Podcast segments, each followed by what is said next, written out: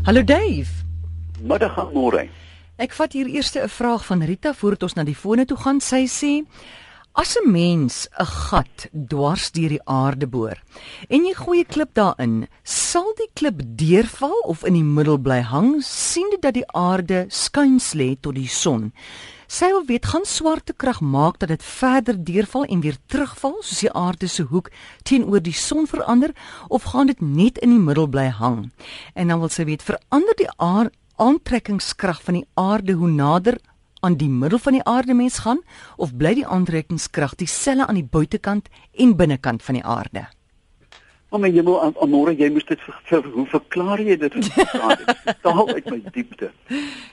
Sou jy 'n gat boor, uh, loodreg op die kern van die aarde. Dat mens altyd gesê jy kom in China uit. Ja. Maar nou ja, kom waar sou ons uitkom ergens in die noordelike halfrond? Nou, daar is um, 'n bekende versnelling van voorwerpe wat na die aarde val soos deur Newton bepaal. Onthou jy mm. die appel wat op sy kop geval het? Nou, ehm um, natuurlik die, die die die middelpunt van die aarde is so warm dat enigiets wat jy ingooi gaan uiteraard smelt, maar kom ons sê dit bly behoue. Nou ja, die voorwerp gaan dan 'n konstante spoed bereik, baie gou, want dan val hy nie vinniger, hy gaan nie versnel nie, hy gaan tot op 'n spoed kom snel en dan na die aarde toe na die middelpunt. Nou as ons die middelpunt as 'n speldprik beskou en hier gaan die die eh, die fisici natuurlik nou baie luister na my, sal die versnelling of die momentum van hierdie voorwerp hom deur hierdie punt druk en hy sal dan begin osilleer. Met ander woorde, hy sal deur die middelpunt gaan, mm. 'n mm. entjie verder gaan, stop, terugval, terugval en dan byna soos 'n pendulum sal hierdie ehm um, voorwerp dan in die middelpunt van die aarde stabiel eindig. Hy kan nie aan die ander kant uitval nie. Goed, Rita, ek hoop dit beantwoord jou vraag. Ek dink ek het myself nou meer verwar as Arne. en ek is die middelman, ek weet nie wat jy aangaan nie. Ja, Goed in die middel. Charlotte, dit goeiemiddag. Goeiemiddag Amore en die wyse Salomo daar. Woe. Ons weet hy hy weet alles van 'n muur tot 'n olifant. Ek wil my vanmiddag beperk tot 'n muurduif en vir jou vra. My vrou Hanlie sê Sy het nou 'n plan met die mure. Jy weet die mure is weer bedrywig hierdie tyd van die jaar. Sy sit 'n klein bakkie met byvoorbeeld ehm, 'n uh, vleisekstrak sousie en die mure gaan geniet hulle die hele dag daar. My vraag is kan mure ook vog soos byvoorbeeld daardie vleisekstrak kan hulle dit ook gaan stoor in hulle nes of drink hulle dit uh, drink is dit maar net vir hulle se drink of kan hulle dit stoor in hulle nes? Baie dankie, mooi dag vir julle. Goed, dankie. Lekker vraag. Kyk, ek dink nie mure kan noodwendig vloeistowwe stoor nie, maar jy het mos al baie gesien hoe mure met 'n klein kristalletjie van suiker terugstap nes toe. Uiteraard, hulle kan kossies terugneem. Die uh die die groot uh stoor uh insekte is uiteraard termiete, nee. Hulle dra gras en hulle maak tuine waar hulle sampioentjies kweek wat hulle dan eet. Min mense, hulle dink hulle eet die gras, maar hulle maak wel 'n kompostuin en daar word dan 'n baie spesifieke swam opgekweek wat in die kolonie teenwoordig is en dan eet hulle die swamme. Maar ja wel, ek dink nie mure kan noodwendig die uh sap dra nie, maar hulle gaan brokkies van die van die sou die vleis ekstrakt dan verdamp en dan bly kristalle oor, sal hulle dit uiteraard dan uh na die nes terugdra. Ja. Goed, Charlotte, goeiemiddag. Oepsie, er is hier goeiemiddag. Uh, amore? Hi. Goeiemiddag, Naomi hierso. Kan ek met Dave praat, nee? Enige tyd? Ehm, um, Dave, ek het ons het 'n snaakse verskynsel hier by ons hierdie jaar. Ek is verskriklik bang vir 'n mot. En in die aand as ons die ligte aansit, dan moet ons nou al die vensters toemaak, gordyne toe trek en so dat die motte nie inkom nie, want dan vlieg hulle hier rond en dan kan hulle my hare kom en so aan, nee. So hierdie jaar kan ons ons vensters ooplos en net die gordyn toe trek en uh, die lig aansit, dan kom daar geen hier's niks motte hierdie jaar nie. Is dit die droogte of wat? Waar woon julle? Hallo? Waar bly julle? Waar woon julle? Hier in die Weskaap in Afrika, net beseer is. Nou maar goed. Ja. Ehm um, Amore Motte is uiteraard net 'n stadium van 'n Kan kan ek by die radio gaan luister ja. asseblief? Dankie.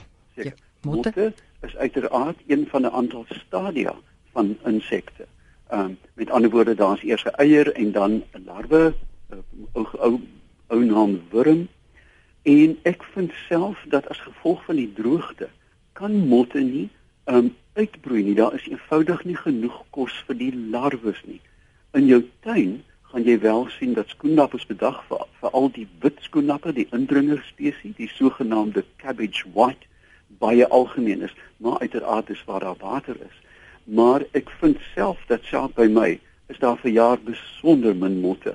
Wat wel gaan gebeur in die Weskaap is die dennepou oogmot wat later uh, in die herfs sal kom en hulle broei natuurlik uit op dennebome.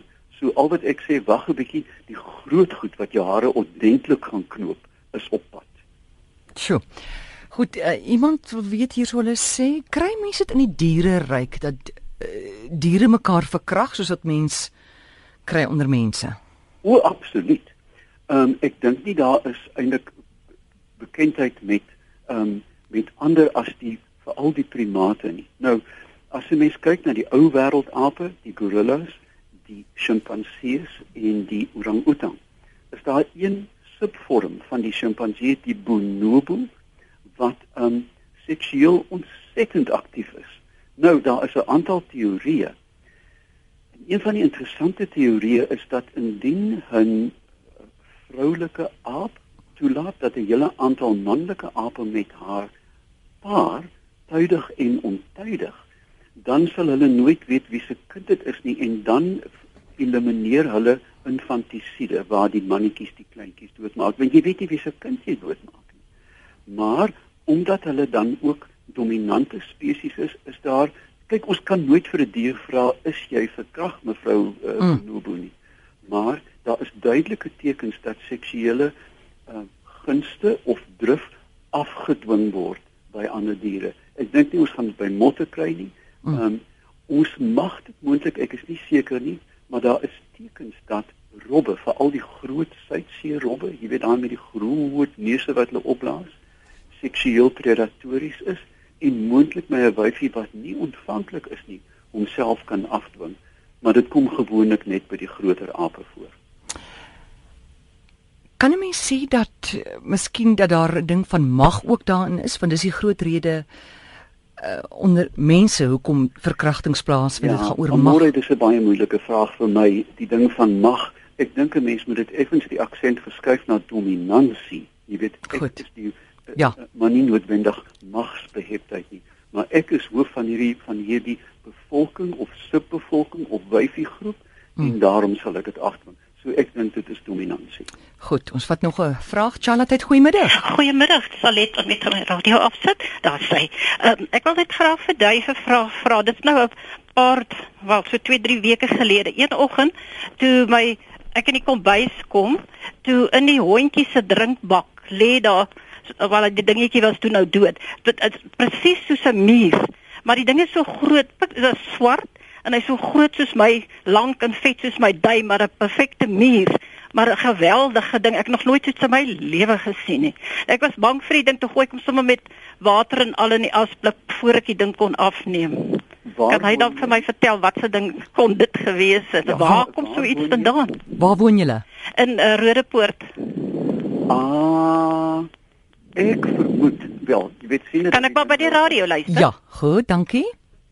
Ek vermoed jy weet dit is baie moeilik. Uh, ek kom baie by vergaderings dan kom daar 'n tannie of 'n oom en sê wat se voeltjie maak i i i tot ek nou ek weet nie. Jy weet daar is Hm. miljoen voeltjies wat so maak. Maar ek het 'n vermoede hier is 'n koringkriek. Ehm um, Mm. hulle as daar 'n grasperk buite die vertrek is, hulle is geneig om grasperke. Daar is maar dit is 'n afskuwelike ding en op die oog af mag dit moontlik na 'n muur lyk, maar sonder 'n foto kan dit nie met sekerheid sê nie. Goed, en sien nou maar net is 'n koringkriek. Ehm um, kan hy enige skade aan jou tuin Nee, maak? Hy eet jou grasperk natuurlik lekker op. Hy maak sulke dooie kolle. Mm. Kyk, daar is ook natuurlik parktown prawns, maar dit lyk meer na 'n springkaan. Ja. Ek vermoed hierdie was 'n koringkriek. As jy hom sou uithaal, Mm. het hy 'n lieflike fluweelagtige lyfbedekking, fyn haartjies. Hy skyn so effens en voor het hy byna soos 'n mol, het hy sulke grawe voetjies. So volgende keer moenie in die toilet afspoel nie, droog hom netjies af en bekyk hom van naby. Het nie vanuit na gesê Muskiete is nou mos uh, oor die algemeen kom dit in tropiese gebiede voor of is 'n tropiese insek. Hy wil weet hoekom kry jy in koue streke soos Alaska muskiete? Dit lyk soos 'n swart muskietwolk.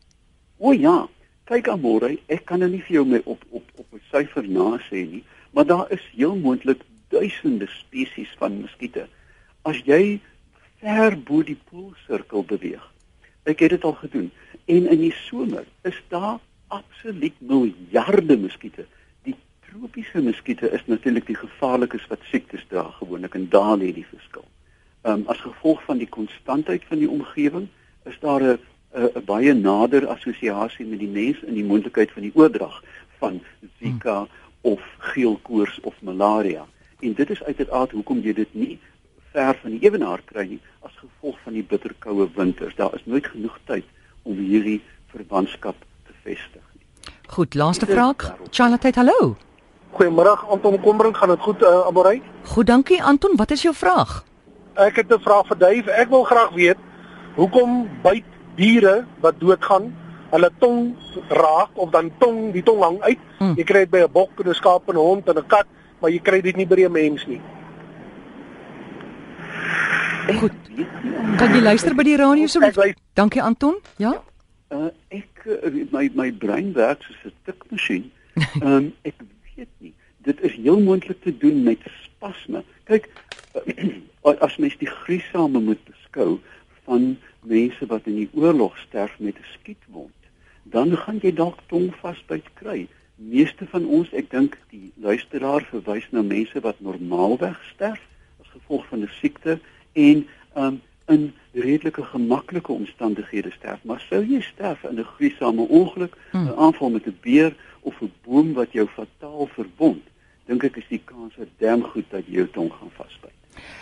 Ronnie van Velen sê hy wil weet hoekom sommige voëls hop en ander loop. Ooh, hier kom ons by. ja, hier is 'n ou vraag. Ja, kyk, ehm um, die antwoord is dit.